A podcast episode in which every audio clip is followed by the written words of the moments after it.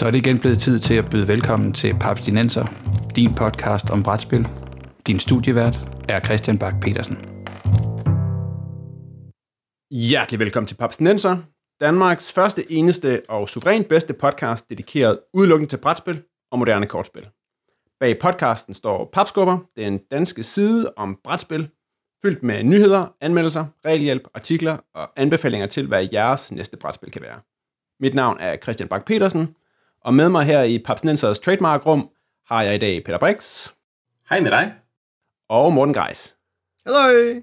I dag der skal vi snakke om spil på licens. Spil, der kobler sig op på en film, en bog, en tv-serie og laver et uh, totalt originalt og inspirerende gameplay, der binder det hele sammen i tema og drama, eller bare plastrer billeder af et gammelt, oven på et gammelt spil og sælger det som Game of Thrones eller Star Wars. Ja, jeg kigger på dig, Looping Chewy. Men inden vi går i gang, så skal vi lige øh, forbi en hjemmeside, som måske efter papskubber er den hjemmeside, vi mest snakker om her i podcasten, nemlig hjemmesiden Board Game Geek, hvor man kan gøre rigtig mange ting med brætspil. Og Peter, hvad bruger du Board Game Geek til? Jamen, jeg bruger Board Game Geek primært til at holde styr på min brætspilsamling, og se, hvilke spil jeg har spillet for nyligt. For en 3-4 år siden, hvor jeg måske havde lidt bedre tid i min fritid, end jeg har i dag, der brugte jeg Board Game Geek til at følge med på nyheder og deltage i forumsnakke og læse om alle mulige spil, som jeg helt sikkert bare blev nødt til at eje, selvom at det kunne være udgivet i et print i 1987. Men det havde jo lige den der fede mekanik, jeg bare blev nødt til at spille det er også en ting, man kan bruge Board Game Geek til, men der er rigtig mange timer lige der. Men i dag, der er det mest til at holde styr på min spilsamling og skrive ned, hver gang jeg spiller et brætspil. Okay. Morten, er, er der features, som du bruger ud over det? Udover det, uh, ja, for jeg bruger lidt de samme features som Peter, så bruger jeg også, hvad skal jeg sige, særligt i arbejdsregi, uh, en række andre funktioner. Øh, og noget af det helt simpelt, at hvad skal jeg sige, når jeg får forspørgsel på spillet, så videre, hej det, og hej det, og så videre, nogle gange, så er det lidt obskure ting, folk spørger til, så er det meget ret at kunne slå op og se, nå ja, den findes jo også under en alternativ titel, fordi jeg kan ikke altid huske, at Citadel hedder One Frugt og Nartet. Um, øhm, så er det meget ret at kunne slå op og tjekke, hvad er det nu lige, den også hedder. Uh, særligt hvis det er sådan et obskurt hollandsk eller spansk kortspil, sådan, um, jamen, så er det meget ret, at jeg har styr på det. Så det, altså, det er ofte sådan titler, versioneringer, hvornår det bliver udgivet, når folk kommer og siger, det er helt fantastisk spil, jeg lige har spillet. Uh, kan det skaffes, som kigger, ja, det er blevet udgivet i 2001 sidste gang, det skal du ikke forvente at finde længere. Um, så er det sådan nogle praktiske ting, og, og på samme måde, så bruger jeg det også til at grave kortlommestørrelser frem. Uh, mange vil gerne, simpelthen, altså mange vil gerne forlænge deres spils levetid ved at proppe deres kort i kortlommer, uh, men hvor store er kortene, og hvor mange er der? Og der er jo så heldigvis nogle helt fantastiske flinke brugere, som har lavet nogle meget, meget lange diskussionstråde derinde, til, som man kan følge med i. Uh, hvor mange lommer, og hvad størrelse skal du bruge, og sådan nogle ting. Og ellers så bruger jeg det primært til at hente regelbøger ned fra, så jeg kan sidde og læse regler, og ja, så får jeg abonnere på deres nyhedsbrev, så jeg sådan lige får en oversigt over, hvad er der på vej.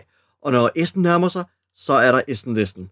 Den bliver jeg simpelthen bare nødt til at følge med i, fordi det er simpelthen det er sådan lidt sådan optag til juleaften for, for brætspillere. Ikke? Altså kig på den der liste og sige, uh, nu er der kommet de 20 nye titler på. Er det noget, jeg skal ned og kigge på i Essen og sådan noget? Og sætte på ønskeliste og sådan noget. Så det, det er, hvad jeg bruger Board Game Geek til. Okay. Jamen, det, jeg, jeg er det samme. Jeg sidder også og, og registrerer og klikker af, øh, hvad for nogle spil jeg har, og hvad for nogle spil, der er røget ud, og hvad for nogle spil, jeg har spillet. Noterer I for øvrigt ned, om, øh, om I har vundet, når I noterer ned? Det kan man jo skrive sådan en note. Nej. Oh, nej, jeg noterer bare, at jeg har spillet spillet, uh, så jeg registrerer ikke actual plays, uh, men bare om jeg første gang jeg har spillet spillet, så går jeg ind og giver det en rating og bruger det som hukommelse. Men jeg registrerer egentlig ikke actual, actual plays og sejre og sådan noget ting. Okay, Jamen, jeg, jeg markerer nemlig hver eneste gang, jeg har spillet det, så man lige kan se, så kan jeg se, at jeg har spillet øh, Dogs of War 15 gange, og at jeg endnu ikke mm. har fået mit øh, chill, dark manner i spil. Så kan det sådan shame mig lidt at sige, kom nu, Christian, ind i kampen. okay, så det, det har en god blanding af dårlig samvittighed og, og sådan noget i. Så ja, ja. Ja. Det, ja. ja, jeg registrerer også hver gang, jeg har spillet et spil. Altså hver gang. Om det så er 8, 8, 8 gange øh, Happy Salmon lige streg efter hinanden på en sommerhustur, så bliver det alt sammen registreret. Okay, wow. Og den del springer jeg over. Det ender også bare med at give det en rating som min markering af, at nu har jeg fået spillet. Okay. Ja, fordi jeg har faktisk ikke, jeg er ikke begyndt at rate mine spil nu. Til gengæld, så, øh, så bruger jeg også, der er sådan en tråd, øh, inden de har sådan nogle geek lists, hvor der bliver øh, debatteret alt muligt, og der bliver øh, ja, kigget på, hvad der er hot, og der er virkelig mange grundige og spændende regeldiskussioner, hvis man netop, ja, som også Peter nævnte, hvis man har tiden til det, så er der jo, så kan man jo finde øh, sådan nørdfællesskaber derude, som brænder for lige præcis de spil, man har. Men der er så også en, sådan en ugenlig liste, hvor man folk fra hele verden, de går ind og registrerer deres, øh, eller blærer sig med deres, øh, deres thrift founds, så når de har fundet noget på loppemarkeder, eller i genbrugsbutikker, eller øh, det ene eller andet sted, så går de ind og blærer sig med, hvor fede spil man har fundet for hvor lidt. Øh, og det er sgu meget, øh, det er meget sjovt sådan at se, hvad folk kan finde rundt omkring af guld, det pureste guld for ingen penge. Jeg tror, at grundreglen derinde hedder, at hvis du har betalt mere for spillet øh, i dollars, end dens rating er på Board Game Geek, så er det en dårlig deal. okay, ja, wow, det passer også meget godt. Ja, præcis. Sådan, sådan, der er, mm. er pinligt at betale mere end 5 dollars for et spil, som har under 5 i rating. Så øh, det, er sådan, øh, det er en god regel, tænker jeg. Ja, ja bestemt. Det, øh, så, så er der også skattejagt. Altså, har I så nogle tips til, hvor I går hen? Altså, sunser i folks container, ligesom folk, der skræder efter mad? Eller ja, ja. hvad gør du, Christian? Der er, så sådan nogle, der er sådan nogle underlister, som, hvor folk de siger, jeg har været hen i den her butik, og efterladt det her, fordi jeg ikke havde brug for det. Og så kan uh, The Thrifting Community i lokalområdet løbe derhen og, og, og kaste sig over det, hvis man nu har efterladt noget, som man ikke selv havde brug for. Det er jo sådan meget stor hjertet. Ja, de er meget amerikansk centrificeret, ikke? Oh. Altså, det er meget sådan noget, i, i min lokale goodwill, øh, på den og den gade, i den og den by, Lige præcis. Jeg de her spil. Ja. Altså, jeg har også selv været derinde, øh, for, som, du, som Christian også siger, og blære sig lidt en gang imellem. Øh, jeg vil sige, mit Hero Quest til en 10'er, det var altså også, den skulle direkte derind. Ja, og der, der, der bliver så der bliver kåret Thrift of the Week, ja. øh, når ugen, øh, ugen render ud. Og der, altså, der kan man igen kigge på, hvad der er. Det er sådan helt vilde ting, folk har fundet. Jeg tror kun, jeg har haft afhændet mine spil via Bastard Cafés board game allocation ting, hvor, de jo, hvor man kommer ind med sine spil, og de bliver samlet store bunker, og så skiftes folk til simpelthen at gå ind og jo gratis og samle spil op. Ja. På den måde, så udveksler vi jo gratis spil øh, med hinanden. Det er også det er virkelig, et virkelig fint arrangement, som også har kørt på festival. Ja, ja lige præcis. Reallocate. Giv jeres uh, gode spil videre, eller til genbrug, så skal jeg nok uh, komme og lede efter. ja. Men i dag, der skulle, vi, uh, der skulle vi snakke om spil på licens, spin-offs fra film og serier, som enten uh, ja, har givet nye spændende spil, eller bare er rene pengemaskiner, hvor uh, Star Wars er blevet klistret på udgaver af Matador eller ja, Stratego. Inspirationen kom, da nogen på Facebook for et par uger siden nævnte, at der ville komme et øh, nyt Game of Thrones-spil. Øh, en version, som hvis bare var en, øh, et, et reskin, altså en ny version af det klassiske sci-fi-spil, der hedder Cosmic Encounters. Morten, hvad var din første tanke, da du hørte om det? Ah, jeg var lidt skuffet.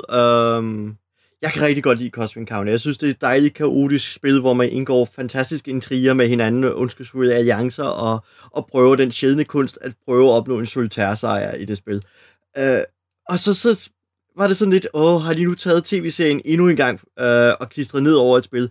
Det, det er lidt ligesom, at når de er bøgerne, så har besluttet sig, at nu der vi et spil for grunden af, og når det er tv-serien, så tager de sådan, nu tager vi et andet spil, og så klistrer vi billederne fra tv-serien ned over spillet. Så, så jeg var sådan lidt, ah, skal vi nu? Altså, det er et dejligt spil, men, men det virkede sådan lidt poxistret, så, så jeg er sådan lidt, lidt vælsindet ved det. Um, jeg håber, at folk kommer til at få en god oplevelse med det, men jeg er ikke, øh, ikke sådan overbevist eller solgt på ideen. Nej.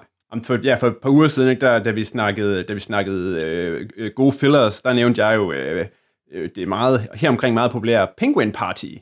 Og det har jo netop fået øh, Game of Thrones øh, øh, klippe-klister-versionen, hvor det er blevet til Westeros Intrigue i stedet for pingviner. Og det er vel lige præcis der, hvor vi ikke er så imponeret over den type spil. For der er jo også nogle gode Game of Thrones-spil. Har jeg ikke ret ja. i det? Jo, og det synes jeg. Uh, altså, hvad skal vi sige? Så, så er vi jo over ved dem, de spil, der er baseret på bøgerne. Um, der er jo Battles of Westeros, som teknisk set er et reskin, fordi den er bygget op på Battle Lore. Um, og så er der jo så øh, Christian T. Petersens øh, Game of Thrones brætspil, øh, The Board Game, som nu er i second edition, har været det en del år. Og så er der jo øh, kortspillet, øh, The Card Game, som også er i sin second edition og kommet relativt for nyligt. Og det er jo her, hvor det bliver rigtig forvirrende, ikke? Fordi der er af Game of Thrones The Card Game, det er det gode spil, det er det, vi godt kan lide.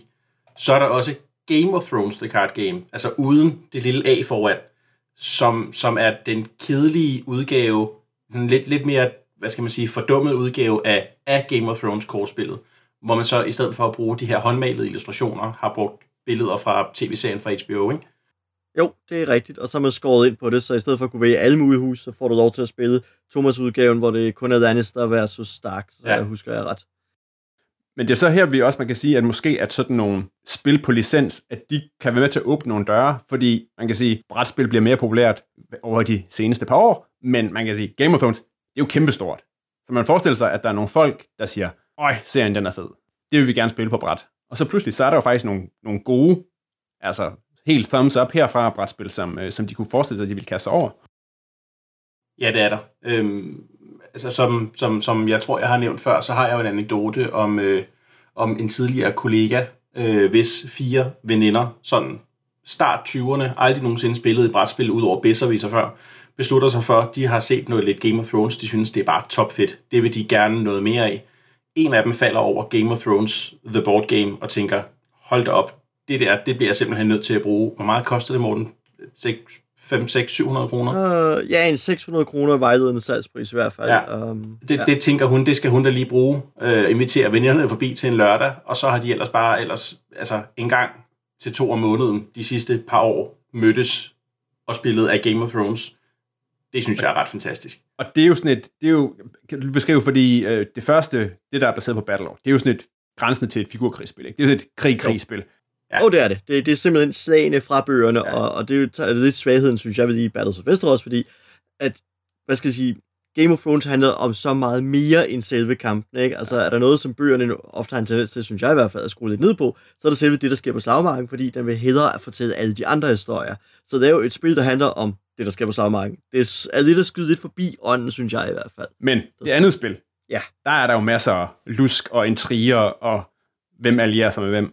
Ja, lige præcis. Uh, hvis man tager Game of Thrones og board game, så er det jo det der med, at nu får vi et stort spilplade ud. Vi har Westeros, og vi har alle de her små territorier, og nu gælder det jo så om at manøvrere sin familie til at sidde på så så mange fæstninger inden for så så mange ture, for at kunne vinde spillet. Uh, og det kan man ikke komme til, så længe de andre spillere er imod en, så man er altså nødt til at indgå nogle alliancer, sniløbe nogle spillere, interagere med nogle spillere, stikke nogle spillere i ryggen, øh, mens man manøvrerer rundt, og det er jo vældig, vældig fint og totalt i spillet sådan. Eller i, yes. i, i seriens og bøgerne sådan, ja. var det jeg prøvede at sige. uh, yes, jamen... Men Morten, når du sidder og kommer med den forklaring omkring, at Game of Thrones The Board Game, det her med, at, at man vil gerne have en sejr, men man kan det ikke, så længe de andre ikke har lyst til at hjælpe en, så lyder det jo faktisk, hvis du bare tager den del og ligesom isolerer, så lyder det faktisk ret meget som Cosmic Encounter. Ja, jo, men... Øh, okay, altså, nu altså, til, til, nok... tildele en masse kaos i stedet for en masse ja. intriger, forstår mig ret, men altså... Og det er ikke fordi, at, hvad skal jeg sige, valget af Cosmic Encounter, hvis vi vender tilbage til den snak, uh, i den henseende er dårligt. Uh, nu kan jeg bare godt lide Cosmic Encounter for, hvad det er, så det, så det er mere det med at sige, nu klemmer vi lige det andet spil ned over, og prøver at se, om vi kan få det til at afspejle, fordi det, der er ved Cosmic Encounter, er jo, at Cosmic Encounter, øh, der, jeg skal sige, i Cosmic Encounter, hvor har jeg ikke nærlæst den nye Game of Thrones variant af den, øh, men i Cosmic Encounter er det jo for eksempel vilkårligt, hvilken spiller du skal angribe. Vi vinder et kort øh, om, og det indikerer, at jeg skal angribe Peter den runde her, eller er en koloni, der ligger i hans stjernesystemer, hvis en anden spiller har haft invaderet Peter. Øh, og så inviterer jeg jo de andre spillere til at hjælpe mig med at invadere, så det vil sige, at man du indgår en øh, anden type alliancer, fordi de skifter fra runde til runde, fordi du inviterer hver runde, siger du, denne her runde, der skal jeg angribe dig, så jeg er ergo, når jeg er nødt til at invitere de her spillere her, eller jeg må invitere dem her. Bortset fra Christian, fordi Christian har allerede fire kolonier, får han en mere eller tre kolonier, så får han en mere, så vinder han spillet. Så han bliver ikke inviteret. Øh, og så kan forsvaret sige, at så vil jeg godt invitere. Så hvad skal jeg sige, der er en meget omskiftelig dynamik i, øh, i, i Cosmic Encounter, hvor du ændrer konstant på alliancerne. Uh, og det vil sige, der er egentlig ikke noget rygstikkeri, fordi uh, din, alle ved, at næste runde, så får du udpeget, hvem du skal angribe, og så er det, så uanset hvad I har alliancer, dig og ham, så skal du angribe ham. Uh, vil det være, Morten? Det synes jeg faktisk er en rigtig god point. Ja, tak. jeg, jeg giver mig. okay, yes. Så. Men Peter. Ja? Hvad har du stående af ting på licens, som, øh, som du synes rykker, som, altså, som er et, et, et, en veludført udgave. Noget, som, som gør noget, både for spil og det, det er baseret på. Ja, jeg har, jeg har jo øh, nogle stykker. Øhm, jeg har Firefly, som jeg ved, der er meget delte mening om ude. Øh, blandt andet mener jeg ikke, Morten synes, det er et særligt godt spil. Det er korrekt. Jeg synes, det er et interessant spil. Det er et meget smukt spil, men det er også i min optik ikke særlig interessant spil. Er, er, er, det fordi, at, er det fordi, at alle folk i det er Han Solo? øh, nej. Nej. Det, ja, ja, det, jeg, vil, jeg vil give dem Borten ret i, Game of Thrones har nogle fejl. En af fejlene er, at... Øhm, men vi er tilbage til Game of Thrones, eller øh, Firefly? Firefly. du sagde Game of Thrones. ja. Øh, Firefly har nogle fejl. Øhm, Firefly har blandt andet den fejl, at øh, spillet kan ødelægge det for dig tur efter tur efter tur, uden at du rigtig har nogen mulighed for at gøre noget ved det, hvis ikke du lige præcis har den rigtige kombination af kort, når du starter din tur. Ja. Det er ret ærgerligt. Okay. Spillet har sådan, en, har, sådan en, har sådan et element, hvor at når du flyver rundt i rummet, så trækker du, øh, for hver felt du flyver ind i, trækker du et kort, hvor det ligesom står på, hvad der sker. Øhm, og når du flyver rundt ude i the, the Outer Edge, eller hvad det hedder, øh, så kan der komme de her onde reaver. De her onde reaver, de vil gerne spise dig i din besætning. Og hvis ikke du har lige præcis to bestemte kort, der er så flere kopier af de her kort, men altså to bestemte typer kort, jamen så har du tabt. Øh, så dør din, din besætning, og, og det er rigtig ærgerligt. Skal vi lige vende tilbage til, Peter, måske beskrive, for ikke, jeg tænker, det er måske ikke alle, der har spillet Firefly The Games. Jeg tænker, ikke? måske lige skal give en beskrivelse af det. Men jeg tænker, at der kunne være en enkelt eller to, der endnu ikke har prøvet det. Ja. Så hvis vi lige starter med en hurtig beskrivelse. Um, Jeg tror sgu, du har ret. Giv den løs, øh, Peter. Eller hvordan man nu siger det.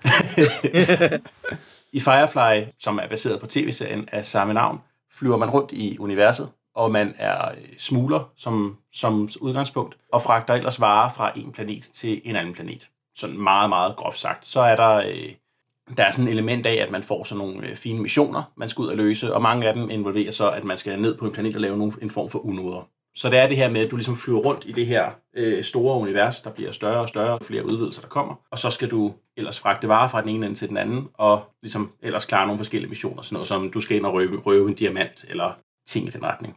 Det er sådan Yep. the two-minute version.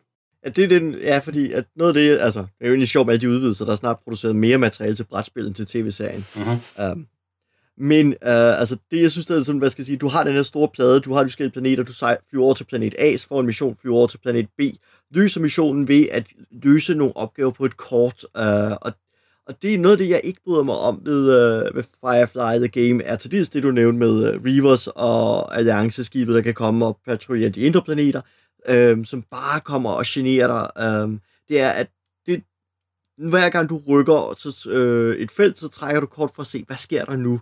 Og det, og det værste er, når du kommer flyvende, og du vil fra A til B. Det, øh, problemet i spillet for mig er, at det værste, der kan ske, er, at der sker noget. Det, det du allerhelst vil have, er, at der absolut ingenting sker. Det er det bedste resultat for dig. Det er at trække ingenting, ingenting, ingenting. Det der med at sige, åh oh, nej, I, får, I, find, I stod på et nødsignal, der er nogen i fare, der sådan, åh, oh, pokkers også. Nu, der røg min tur. Um, og, det, øh, og det er sådan nogle ting, der, der er over med det i spillet, det er, at, at det er en ulempe, at der sker noget spændende i spillet. Um, og en anden ting, jeg ikke bryder mig så meget om, er, at de missioner, du laver på planeten, altså det, det er meget et, et solitære minispil. Um, du skal gøre en dyd ud af virkelig at præsentere for de andre spillere, hvad sker der nu? Hvis du ikke gør det, så har du en spiller, der sidder med kort i hånden, kigger ned på det, ruller sine terninger intens på sig selv adskillige gange, og bagefter kigger op og siger, sådan, det var det. Næste. Og det er, hvad skal jeg sige, en, en mærkelig uh, tom spiloplevelse, når man sidder bare og venter pænt på at få sin tur. Um, og det er også et spil, hvad skal jeg sige, hvor der er så lidt interaktion mellem spillerne, at, at, hvad skal jeg sige, at man kan frit sidde og snakke løs med alle mulige, der ikke spiller med, uh, indtil folk prikker på skulderen og siger, at det er din tur, så tager du din tur, så snakker du videre, og du kan stadig vinde spillet ubesværet. Tilbage til forsvaret. Jamen, Morten, har, Morten har fuldstændig ret i, i de ting, han siger. Jeg synes bare ikke nødvendigvis, det gør spillet til et dårligt spil. Jeg holder meget af det alligevel. Om jeg havde holdt af det, hvis det havde været øh, generic science fiction, the board game, det kan jeg ikke sige. Øh, jeg holder rigtig meget af Firefly. Men øh, jeg, jeg holder meget af spil generelt, hvor at der kommer den her, du, du går fra A til B, og så sker der ting ved dig. Øh, Roombound er et andet eksempel på et spil, jeg synes minder meget om Firefly lige i den øh, ting. Og også et spil, som jeg ved deler vandene, som jeg holder rigtig meget af, som jeg kender mange, der synes er et forfærdeligt, forfærdeligt spil. Men så bringer du heldigvis også uh, talisman på banen nu, Peter. Jeg skulle lige sige det, jeg skulle lige sige det.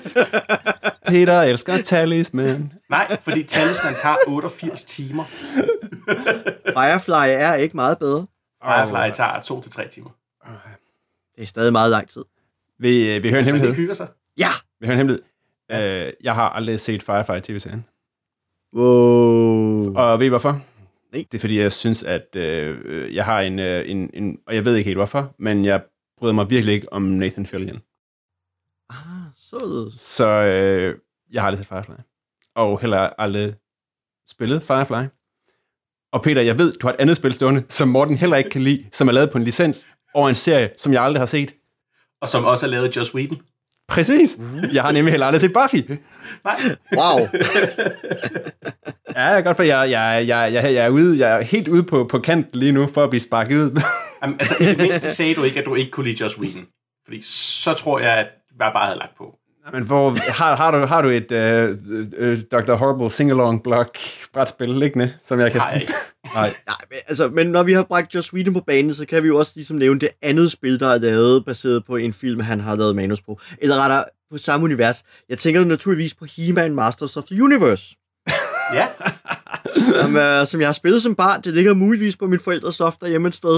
Uh, og Joss Whedon skrev jo manus til filmatiseringen, så nu vi er i gang med referencerne her. Den med Dolph Lundgren? Ja. Oh.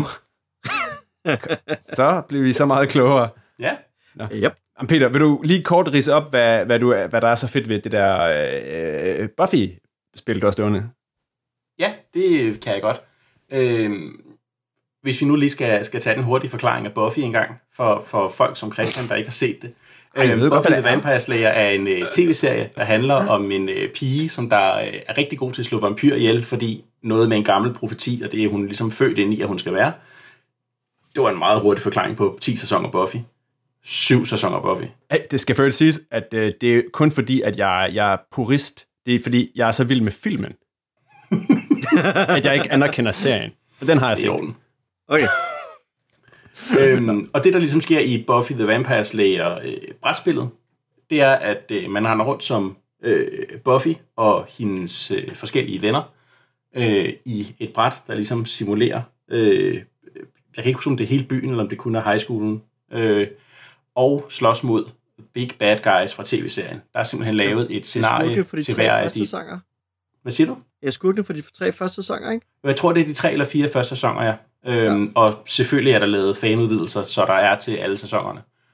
Øhm, det er et spil, der minder meget om et andet spil, jeg holder meget af. Jeg har snakket om før, Last Night on Earth. Yes. Bum. Mm. Øh, netop ved det her, at øh, du render rundt, du ruller nogle terninger, bevæger dig rundt på det her bræt og slås mod ting. Igen, det lyder rigtig meget som talisman. Men så fordi, at de har fået klistret øh, en serie på, som du er lidt vild med, så, øh, så bliver det den sand federe. Eller Ej, jeg vil sige- kan det eller mere? Jeg vil sige, det minder ikke om talisman. Øhm, Nej, nej, det gør det ikke. det er, du, du, har mere, du har andre valg, end at bevæge dig mod højre eller mod venstre. Okay. Bum. Kan man blive forvandlet til en tusse? Altså, det vil ikke være urealistisk. Nej, det er også det, jeg tænkte. Serien har præcedens for rotter på det punkt, så... det Ja, rigtigt? Okay. Eller varulve. Du kan blive til en varulv. okay. det er, ikke, ja, det er rigtigt nok, men det er ikke den samme type af forvandling som en tusse. Det er korrekt. Peter, hvad er det, der gør? Er det fordi, at det bevæger sig rundt i et univers, som du synes er fedt i forvejen, eller, eller har det et eller andet tie-in, som gør, at det netop ikke bare er generic sci-fi, eller et generic horror-spil? Nej, altså det er, det er mere den her oplevelse af, at øh, du, du fiser ligesom rundt i en by og løs. Altså det er meget rollespil. Nu, det er ikke meget rollespil. Det er meget rollespil uden rollespillet. For, for, for nu at få den på plads. Men, men det er den her, altså du, du bygger selv din egen lille video op inde i hovedet, ligesom jeg gør, når jeg sidder og spiller Last Night on Earth, hvor jeg, hvor jeg ligesom spiller en, en B-zombie-film. Så her så spiller jeg afsnit af Buffy op i mit hoved. Øhm, og det synes jeg er meget fantastisk. Men jeg ved, Morten, du bryder dig ikke særlig meget om det. Altså nu skal jeg sige, jeg har ikke spillet det spil i henved 15 år eller meget der. Men jeg husker, altså, jeg husker det som sådan et casual hygge. øh, nu drikker vi nogle øl og ruller nogle terninger og ser, hvad der sker. Men ikke som et, et større, strategisk, rigtig spændende spil. Nej, øh, det, jeg husker det som værende, hvad skal jeg sige, den, den lidt kedelige ende af øh, licensspil. Øh, der, hvor de laver et, et enten som de, vi snakkede tidligere med Reskins, eller hvor de laver sådan et lidt, et lidt halvhjertet, et ikke alt for spændende spil, hvor de prøver at slippe lidt afsted med det, ved simpelthen at sige, kan I se en vampyr? Kan I genkende Buffy? Kan I genkende Willow og de andre karakterer? Genkende sådan skede, hurra! Um, og så prøver på den måde at distrahere os til at tro, at det er et godt spil. Um, eller, og det, uh, det er bare ikke spændende. Uh, det, nu kan jeg så ikke, hvad skal jeg sige, som sagt, det er mange år siden, jeg sidst har spillet det, så lige at gå i detaljerne med, hvad, hvad det er med mekanikker og så videre. Men det er sådan lidt i halvhjertet uh, spil. Ja, altså for, for mig minder det lidt om sådan en, en, en, en hyggelig dungeon crawler, du sidder og drikker over nogle øl. Mm. Så, så, så det er så langt så enig. Øhm, igen, jeg kan bare godt lide det. Men Morten, nu så må, ja. du, så må du på banen. Du kan ikke kun sidde der og være Mr. Negative. Et, øh, mm. et fedt spil på licens, eller noget, noget særligt? Ja, altså jeg har jo siddet og kigget min samling igennem og fået øje på, at jeg har jo Pillars of the Earth, uh, Ken Follett's bog uh, som brætspil, uh. uh, som er en, et fint uh, intro worker placement spil. Jeg har Doom stående, der jo netop kommer nu i en second edition, som var et, et middelmådigt, uh, nu stormer vi ned gennem gange og skyder monsterspil. Jeg er meget mere til Space Hulk, det har jeg jo også før. uh, jeg har Lord of the Rings uh, card game stående, og det synes jeg bare er fedt. Og så har jeg jo også øh, kortene til, eller i hvert fald et stort udvalg kortene til Babylon 5, øh, Collectible Card Game, ja. som, øh, som jeg nok, hvad skal sige, lidt ligesom hvor Peter godt kan lide Buffy på grund af universet, så kan jeg rigtig godt lide Babylon 5, øh, som jo er en rocker sci science fiction tv-serie fra 90'erne, som er relativt svær at opstøve, øh, øh, og som der blev lavet et rigtig, rigtig interessant Collectible Card Game, der forsøgte at genskabe de magtkampe, de intriger, det magtspil, der er i tv-serien. Um, det var så også på en periode, hvor man stadig var sådan lidt, altså hvis det ikke var Magic og Netrunners, så var det generelt ikke særlig gode kortspil. Der skulle gå nogle år før, at CCG'er, der ikke var de to spil, blev, øh, kunne betragtes som værende egentlig rigtig gode. Um, så det er ikke et helt godt spil. Det er mest et, et, et, et, hvis man er fan af det og synes, det er fedt at genskabe uh, situationer fra tv-serien via kortene, fordi det kan man, man kan simulere dele af det magtspil og de intriger, der er i tv-serien, kan man simulere via kort, og det er fedt. Men det bringer mig virkelig tilbage til at sige, at, blandt de licensspil, jeg i hvert fald har i min egen samling, der tror jeg, jeg ender med at sige, at Lord of the Rings card game er nok det bedste af dem, jeg har. Og det til gengæld også er et rigtig, rigtig veldykket spil. Og hvad er det, Babylon 5 handler om, Morten? Babylon 5 handler om rumstationen, der hedder Babylon 5. Det er den femte rumstation. Øh, hvad der sker med de fire foregående, det kommer vi ind på senere i serien, men øh, ikke noget, jeg skal afsløre her nu. Øh, man følger simpelthen livet på Babylon 5-stationen, øh, som drives af menneskeheden. Den er bygget af de her mystiske, magtfulde øh, folk, der hedder Minbari, øh, som generelt har stået for produktionen af den, som, øh, som blev etableret som en del af en fredstraktat mellem Minbari og menneskeheden. Vi er cirka 200 år frem i tiden, vi har koloniseret planeter ude i det ydre rum osv., mødt andre øh, interstellare rejse, øh, raser osv., og der er nogle krige og nogle mystiske folk, som er meget, meget fjerne og meget, meget magtfulde. Øh, og hele museet ved det her er, at det hele, hele hvad skal jeg sige, grundlaget for fredstraktaten er meget, meget mærkeligt. Fordi at menneskeheden kom til at etablere en krig med, eller indlede en krig med de her Mumbai, og fik så derefter solidt tæsk hele vejen tilbage til, at de øh, var, stod, øh, hvad skal jeg sige, på døren til, eller på tasken til at invadere jorden, og derefter overgav sig betingelsesløst. Og så starter med at sige, okay, Hvorfor gjorde de det? Hvorfor besluttede de sig for at overgive sig betingelsesløst og lave en stor diplomatisk rumstation, hvor alle raser kan mødes i fred for daglighed og blive venner? Øh, og det, der starter serien så, og så vokser den ellers, øh, og bliver meget, meget interessant.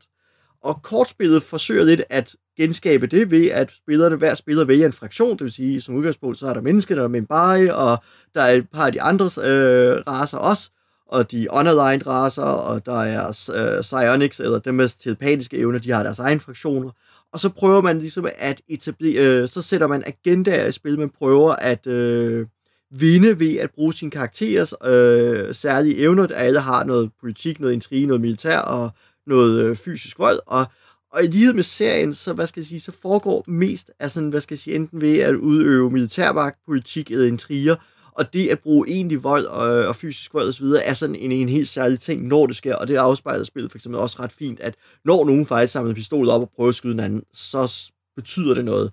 og ellers så prøver man at etablere sine mål via agendaer, som blandt andet kan betyde, at man kan opnå forskellige tilstande, eller states, eller tilstande, øhm, øh, krigstilstand med en anden spiller, fredstilstand og sådan nogle ting, for at nå sit øh, slutagenda, så man, så man lægger forskellige mål i spil for, hvordan man gerne vil vinde spillet, hvordan man gerne vil komme der til via forskellige typer intriger, og, og ja, så, så der er sådan en hel masse brikker, øh, håndtag, man kan dreje på, og så videre, og de er rigtig spændende, og det er bare ikke så godt eksekveret igen, som det godt måtte have været.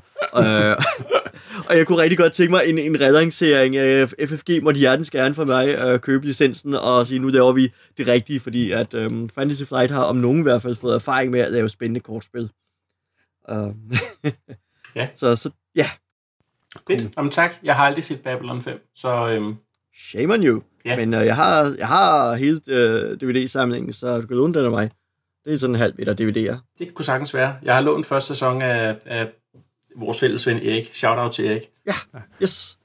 Tak, Erik. Uh, men ellers så har jeg den samlede boks med det hele. Det kunne godt gå hen og blive relevant. Og jeg går ud fra, at der er ikke nogen, der er overrasket over, at jeg siger, at det har jeg heller ikke set. Nej. Ej, lige den her gang, der, der Intet, jeg der kan overraske Ja, længere.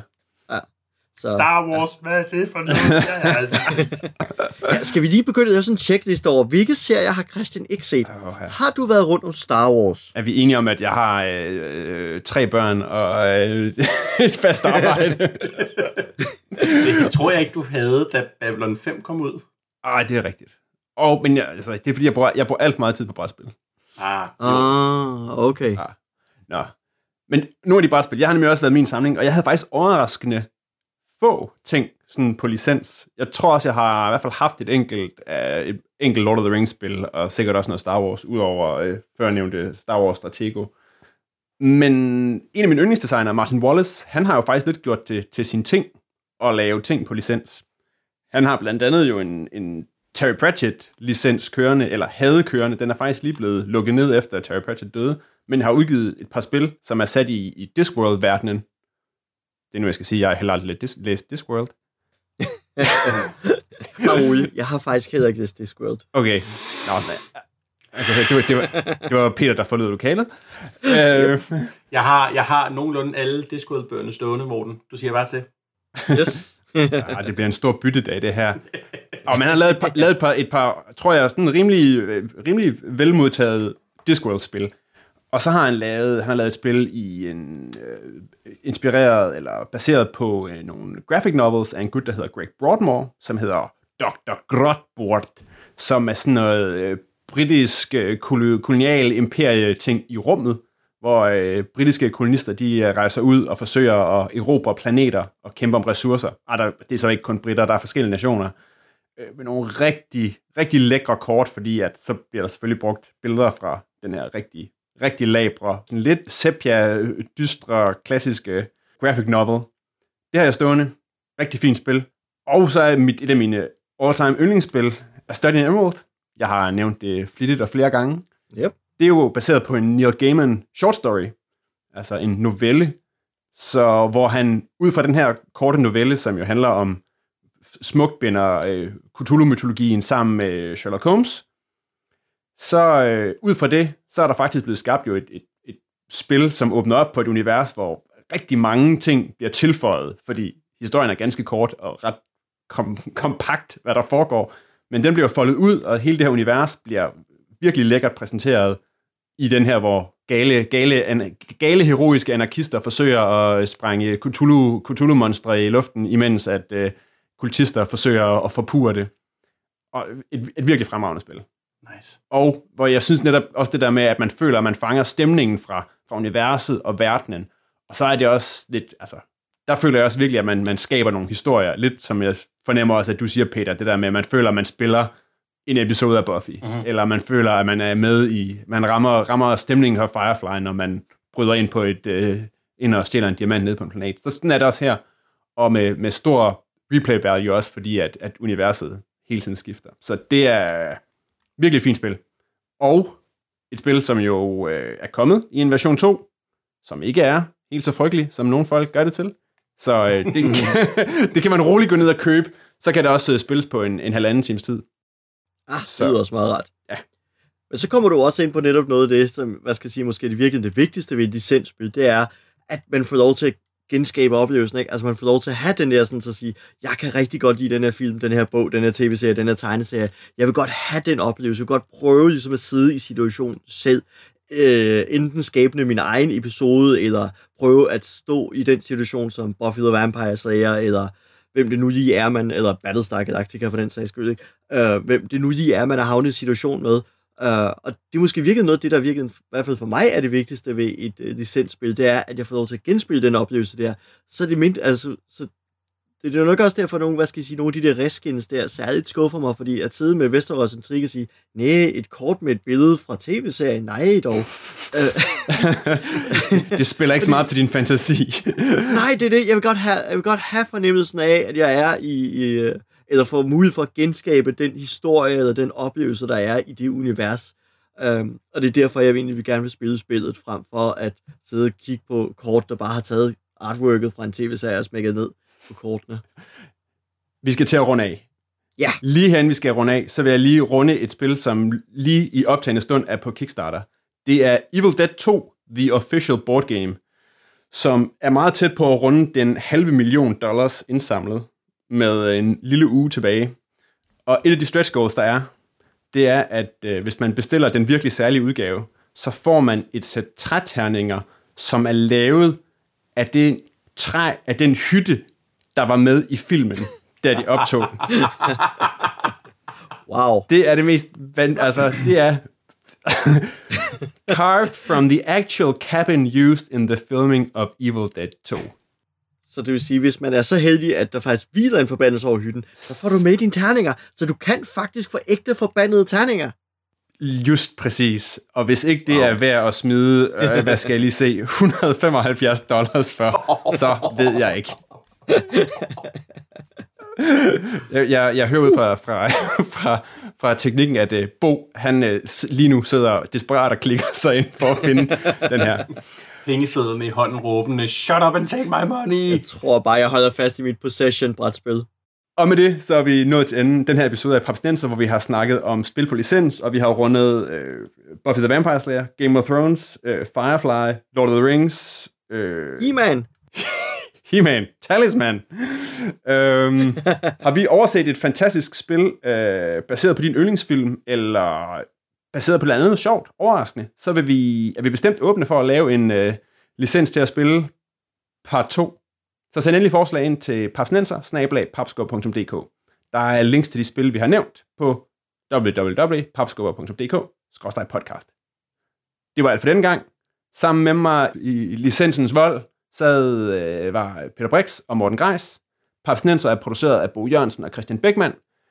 Jeg hedder Christian Bak petersen og på vegne af Papsnenser, så ønsker jeg god fornøjelse med ture ud i Firefly, Star Wars, Star Trek, Walking Dead, Discworld, Evil Dead, Game of Thrones, 007, Battlestar Galactica, 24, Lord of the Rings, Spartacus,